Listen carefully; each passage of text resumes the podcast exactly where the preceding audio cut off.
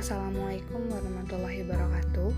Kembali lagi bersama saya Melin Muyandini Di episode terbaru saya kali ini Saya akan membahas tentang manusia dan pandangan hidup.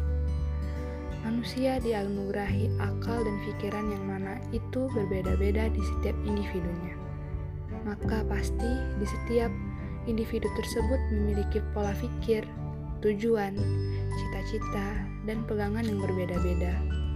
Dan pada dasarnya, pandangan hidup adalah pendapat atau pertimbangan yang akan kita jadikan pegangan untuk ke depannya. Dan menurut saya pribadi, saya berprinsip terhadap diri saya sendiri bahwa kebahagiaan saya dan orang-orang yang saya sayangi adalah hal yang utama.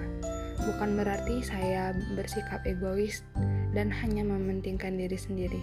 Namun, bagi saya, tidak ada yang lebih berarti daripada melihat orang-orang yang saya sayangi tersenyum dan bahagia.